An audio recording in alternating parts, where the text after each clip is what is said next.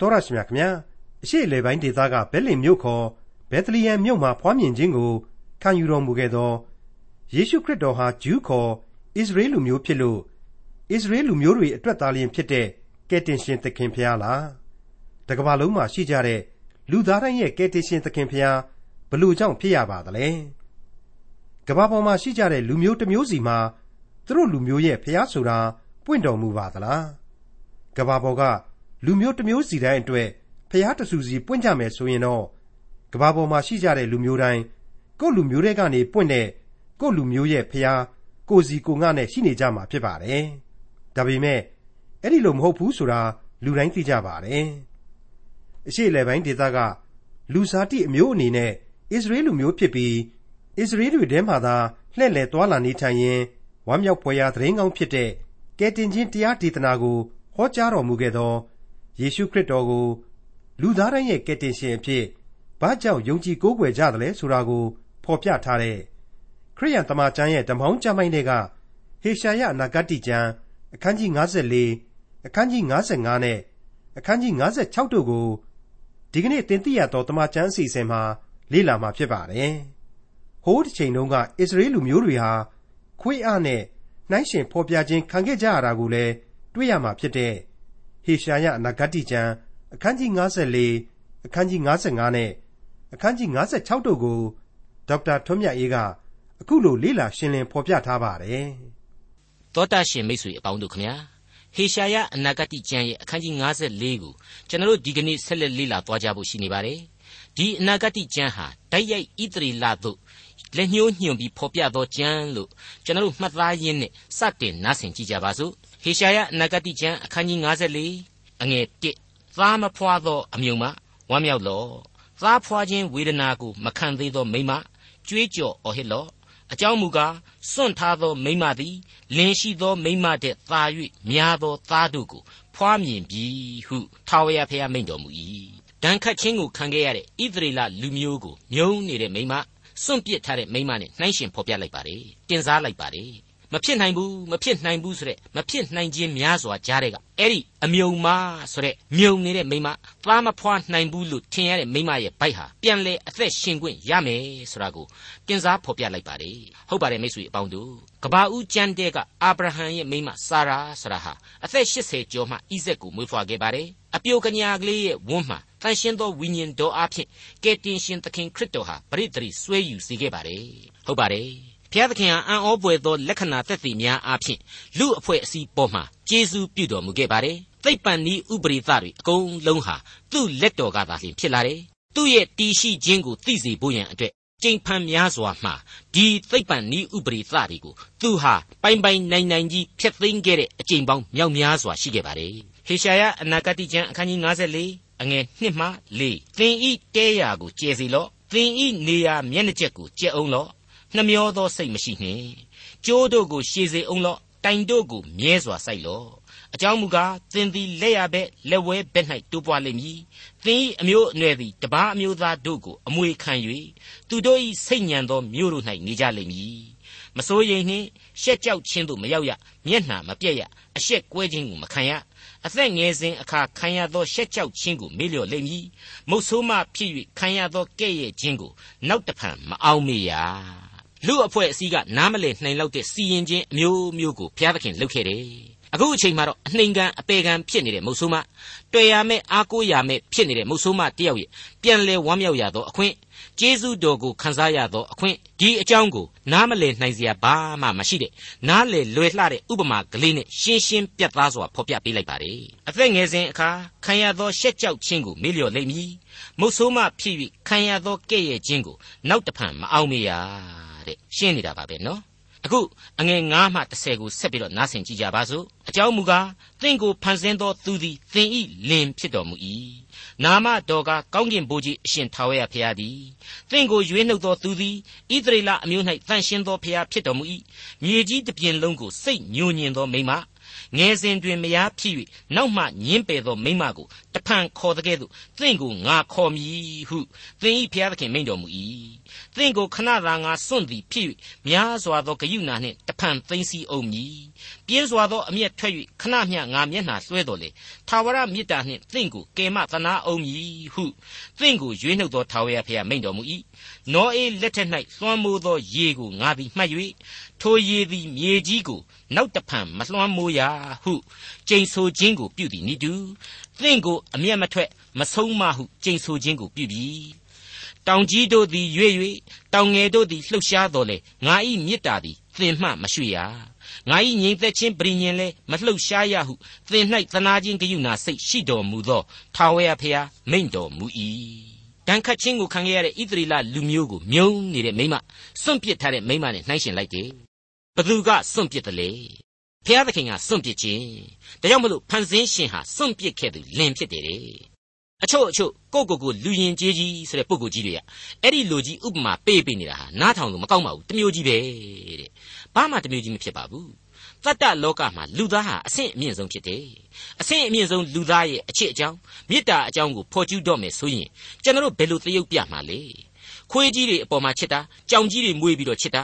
ကတ္တဝါကြီးတွေကိုအိမ်ဦးကမ်းမှာလောင်ကြံကြီးနဲ့ထည့်ပြီးချစ်တာတွေကိုပြောလို့ရမလားမရနိုင်ပါဘူးအကောင်းဆုံးနဲ့အဆင့်အမြင့်ဆုံးဟာလူသားဖို့နဲ့မတို့ရဲ့ချစ်ချင်းနဲ့သားလျင်လူအချစ်လူမေတ္တာဆိုတာကိုဖော်ပြအမွှန်းတင်ရမှာပါပဲ ဒါကြောင့်မလို့ဘုရားသခင်ဟာလူတဦးချင်းကိုသားသမီးများအားမိဘကချစ်တဲ့အချက်နဲ့ရှင်ပြပြီးတော့မေတ္တာတော်အကြောင်းကိုဖော်ပြတဲ့အခါမှာဖော်ပြတယ်တရုပ်ပြတဲ့အခါမှာတရုပ်ပြတယ်လူမျိုးတော်ဣသရေလယုံကြည်သူအသင်းတော်တို့ကိုချစ်တဲ့ချစ်ချင်းအပေါ်မှာကြတော့မင်္ဂလာဆောင်မောင်နှံတို့ရဲ့အချစ်နဲ့ကိုစားပြုထားတယ်အဲ့ဒီလိုနှိုင်းရှင်ချက်များနဲ့သူ့ရဲ့ချစ်ချင်းအပေါ်မှာလူမျိုးတော်အသင်းတော်တို့ဟာတစ္ဆာမဖောက်ရဘူး သူမှတပါအခြားဖះကိုတွားပြီးတော့မကိုးကွယ်ရဘူးသူ့အဖို့သာလျှင်အစဉ်တန့်ရှင်းရမယ်တစ္ဆာစောင့်ရမယ်ဆိုတာကိုသူသတိပေးခဲ့ပါတယ်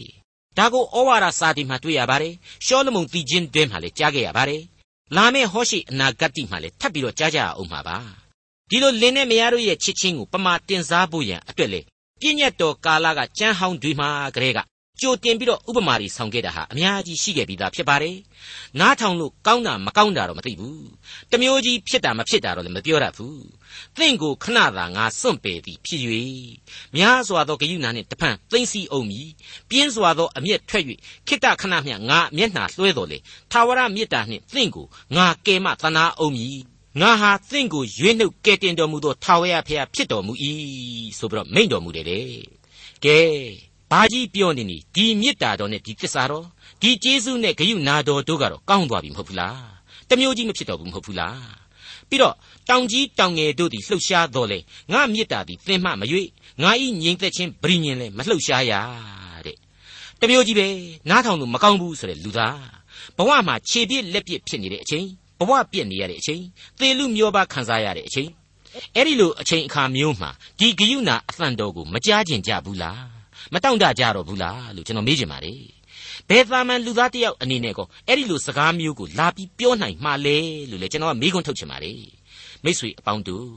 အပေကံမုတ်ဆိုးမှအစွန့်ပစ်ခံရတဲ့ဘဝပြည့်ဣတရီလာအဖို့ဖြောက်မှတ်ခြင်းအခွင့်ကိုခန်းစားရပြီဆိုတာကိုအခုလိုဆက်လက်ပြီးနာတော်တာဆင်နိုင်ပါသေးတယ်ဟေရှာယအနာဂတိကျမ်းအခန်းကြီး54အငယ်7မှ18 အိုးညှင်းဆဲခြင်းနှင့်မိုးသက်မုန်တိုင်းတိုက်ခြင်းကိုခံရ၍သက်သာမရနိုင်တော်သူ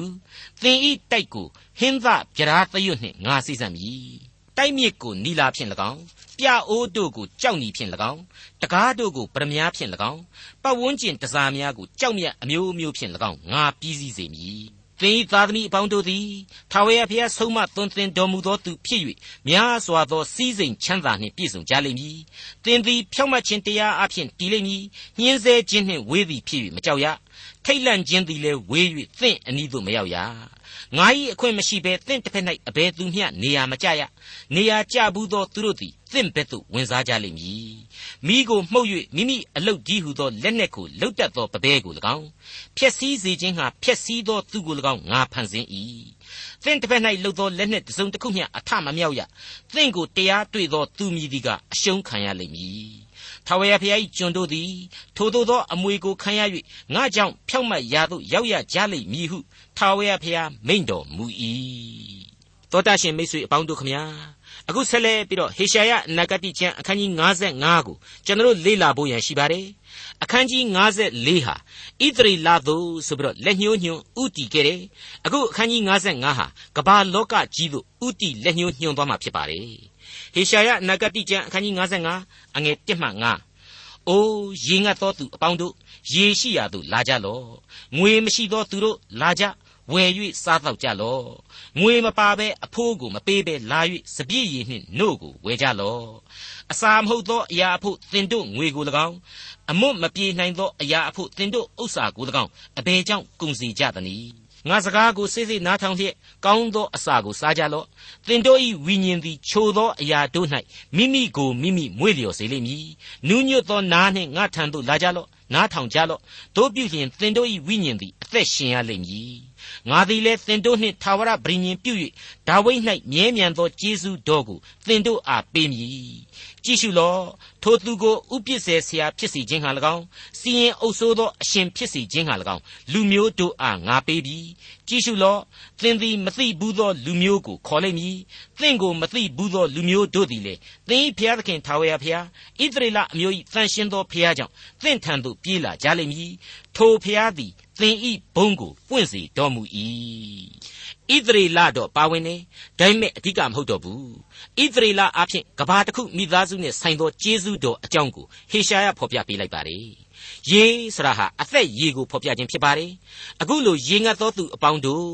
ရေရှိရာကိုလာကြဆိုတာဟာအသက်ဆန်းရည်စီးထွက်ရာအရက်ဖြစ်တဲ့ကယ်တင်ရှင်သခင်ခရစ်တော်တီးရာကားတိုင်းတော်ကိုဖော်ပြလိုက်ခြင်းပဲလို့ဒီနေရာမှာတင်ပြပါရစေရှင်ယောဟန်ခရစ်ဝင်ကျမ်းအခန်းကြီး9မှာဆိုရင်ကယ်တင်ရှင်သခင်ခရစ်တော်ကိုတော်တိုင်ရဲ့ဖိတ်ခေါ်သံကိုအငယ်38နဲ့38မှာကျွန်တော်တွေ့နိုင်ပါတယ် ထိုပွဲကိုခံ၍နောက်ဆုံးဖြစ်သောနေ့မြတ်၌ယေရှုသည်ရက်၍ကြွေးကြော်တော်မူသည်ကားရေငတ်သောသူရှိလျင်ငါထံသို့လာ၍တောက်လော့ငါကိုယုံကြည်သောသူသည်ကျမ်းစာလာသည့်အတိုင်းအသက်ရည်ထွက်ရာစမ်းရည်တွင်ဖြစ်လိမ့်မည်ဟုမိန့်တော်မူ၏မရှင်းဘူးလားကယ်တင်ရှင်ကိုယုံကြည်ခြင်းအပြင်မိမိမှတဆင့်သူများအတွက်ကိုပါအသက်ဆန်းရည်စီးထွက်နိုင်တဲ့အထိကိုဟာပြေဝစုံလင်ခွင့်ရှိနိုင်တယ် မိတ်ဆွေစပြည့်ရည်ဆရာဟာရှင်လန်းဝမ်းမြောက်ခြင်းကိုဖြစ်ပေါ်စေပါတယ်။တန်ရှင်းသောဝိညာဉ်တော်ဤလမ်းပြခြင်းအပြင်ခရစ်တော်၌ဝမ်းမြောက်ခြင်းအကြောင်းပါပဲ။ no ဆရာဟာအသက်တာရဲ့အခြေခံလိုအပ်ချက်ဖြစ်ပါတယ်။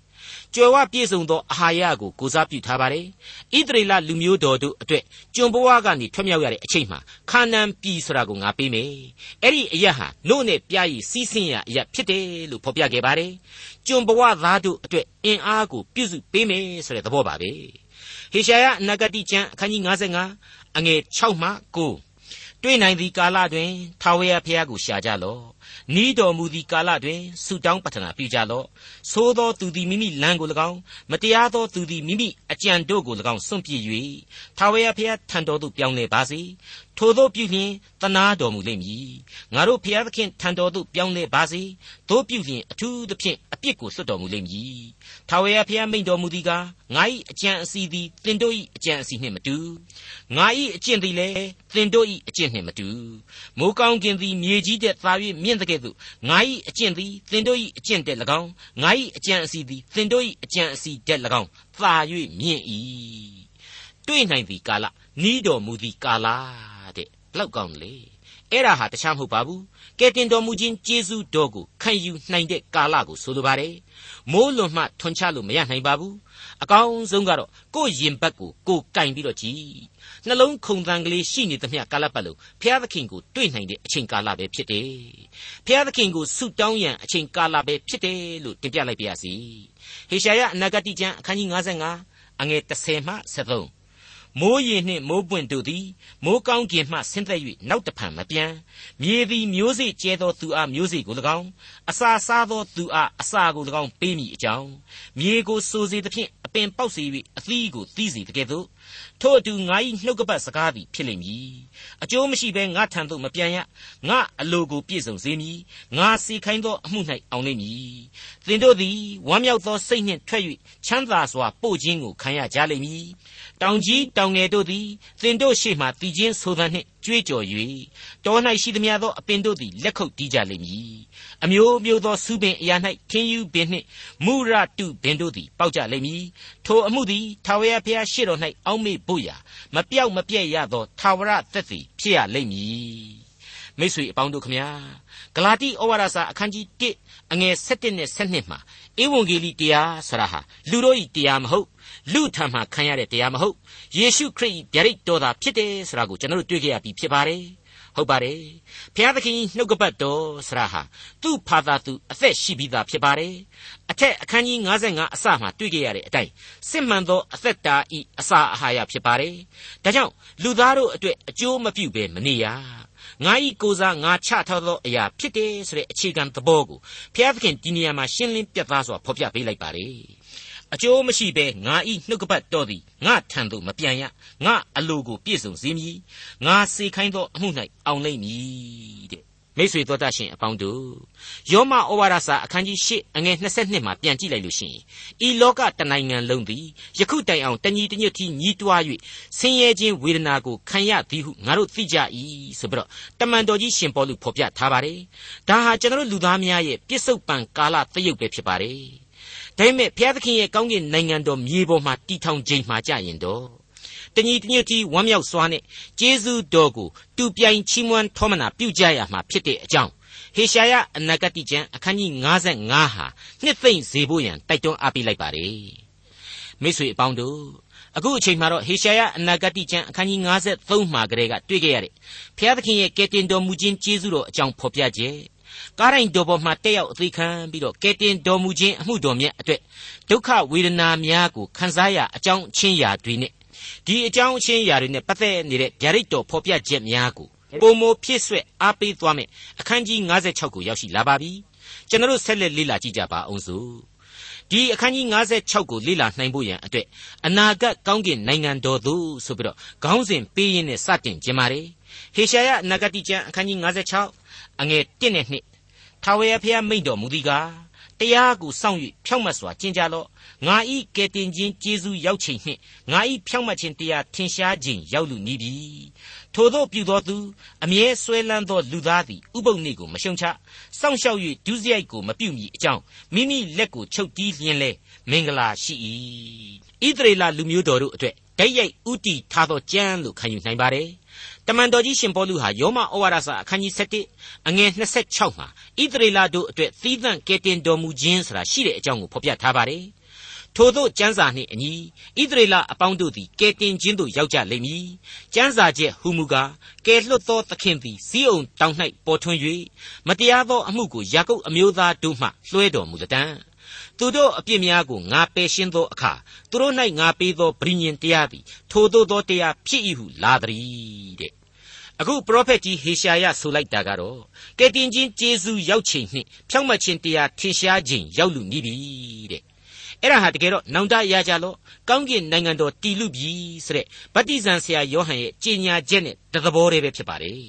အတိတ်ဘယ်ကိုခရစ်တော်ကိုယ်တော်တိုင်အုပ်ချုပ်မဲ့အနာဂတ်ကောင်းကင်နိုင်ငံတော်အတွက်ရည်စူးထားတယ်လို့ဆိုနိုင်သလိုခရစ်တော်ရဲ့ကယ်တင်ခြင်းကျေးဇူးတော်ကိုချက်ချင်းလက်ငင်းလက်ခံသူတို့အဖို့ကောင်းကင်နိုင်ငံတော်ရဲ့အရေးအငွေ့များဟာချက်ချင်းခံယူရရှိစေသောကောင်းကြီးမင်္ဂလာများဖြစ်တယ်ဆိုတဲ့အဖြေကို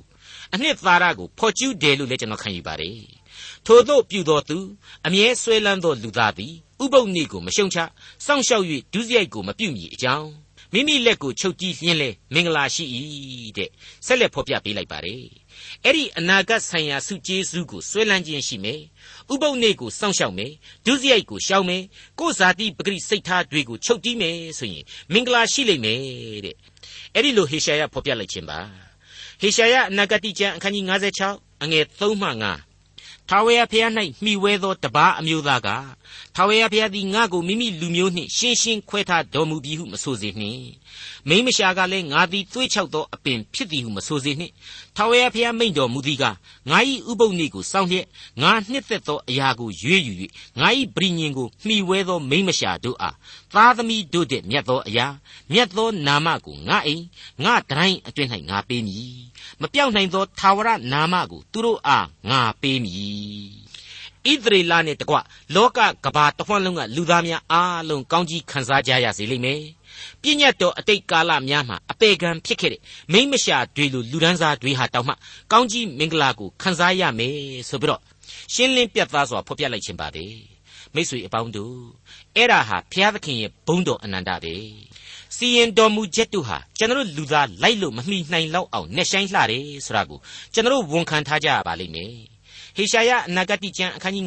56အငယ်6မှ8ထာဝရဘုရားထံ၌အမှုဆောင်ခြင်းနာမတော်ကိုချစ်ခြင်းကျွန်တော်ရင်းဖြစ်ခြင်းအလို့ငှာထာဝရဘုရား၌မှီဝဲသောတပါးအမျိုးသားတို့ကို၎င်း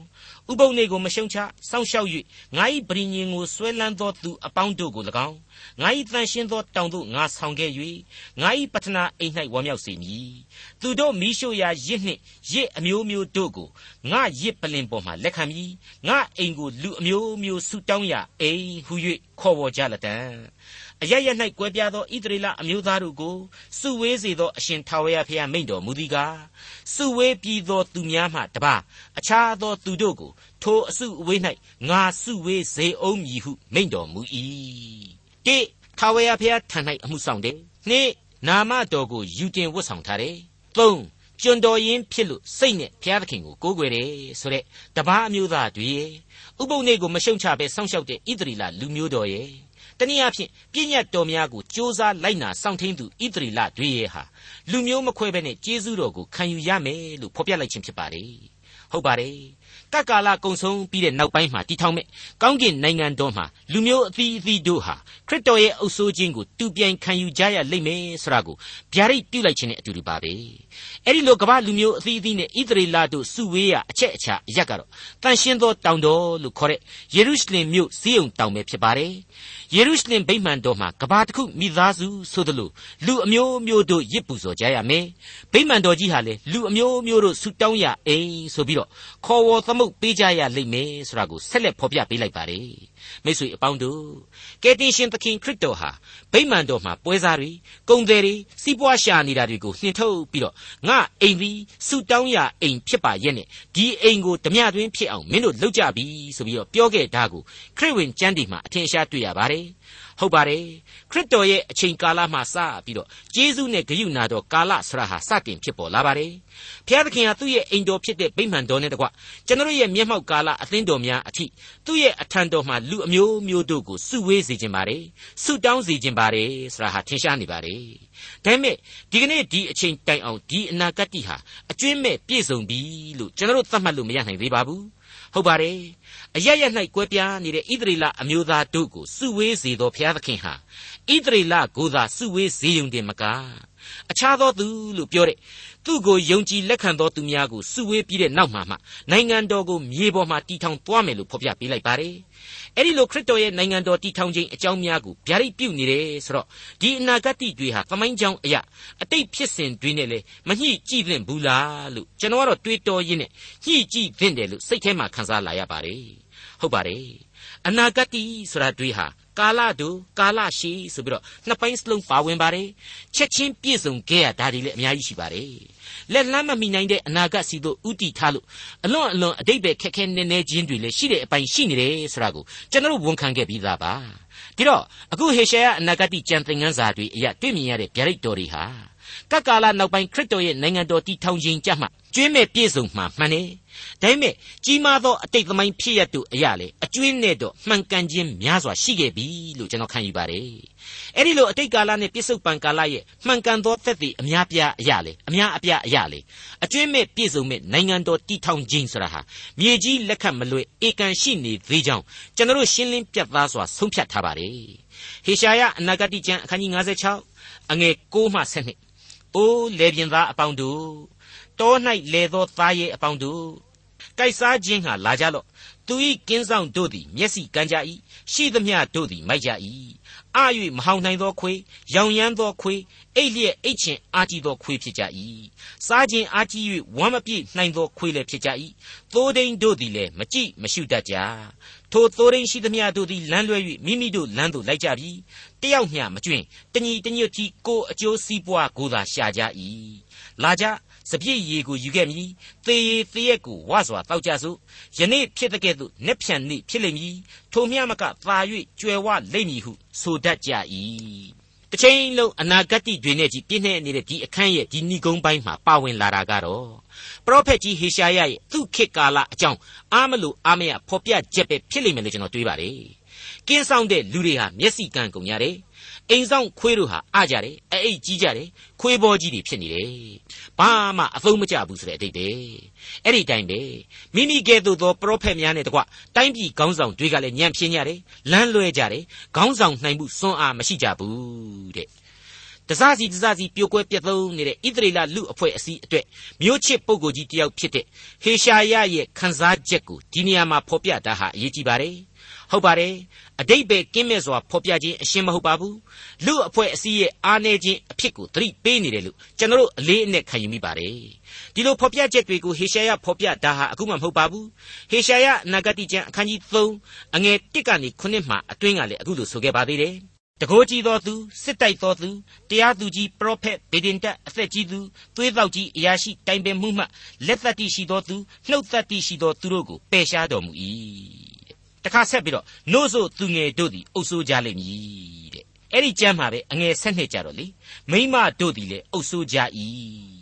အဲ့ဒီလိုဖော်ပြထားပါတယ်ဒါဟာသရုပ်ပြည့်နေတဲ့လူအဖွဲ့အစည်းဘုရားသခင်နဲ့ဝေးကွာနေသောလူအဖွဲ့အစည်းရဲ့ရုပ်ပြည့်ဆင်းပြည့်မြင်ကွင်းတွေကြီးပဲဖြစ်ပါတယ်တနည်းအားဖြင့်တော့ဘုရားသခင်ကိုတော်လှန်ပုန်ကန်တတ်သောလူအဖွဲ့အစည်းရဲ့ဆိုးကျိုးများပဲဖြစ်ပါတယ်129ခုမြောက်သောဆာလံအငယ်1နဲ့2တို့မှာအခုလိုတွေ့ရပါတယ် ထာဝရဘုရားသည်အိမ်ကိုစောက်တော်မမူလျင်စောက်တော်သူတို့သည်အချီးနှီးလှုပ်ဆောင်ကြ၏ထာဝရဘုရားသည်မြို့ကိုစောင့်တော်မမူလျင်ကင်းဆောင်တို့သည်အချီးနှီးစောင့်ကြ၏စောစောထလျက်ညင့်တဲ့သည်တိုင်အောင်မအိပ်ဖဲနေလျက်ပင်မစွာအစာစားလျက်နေတော်လဲအကျိုးမရှိအိပ်ပျော်ရသောအခွင့်ကိုချစ်တော်မူသောသူအားအမှန်ပေးတော်မူ၏တဲ့မိတ်ဆွေအပေါင်းတို့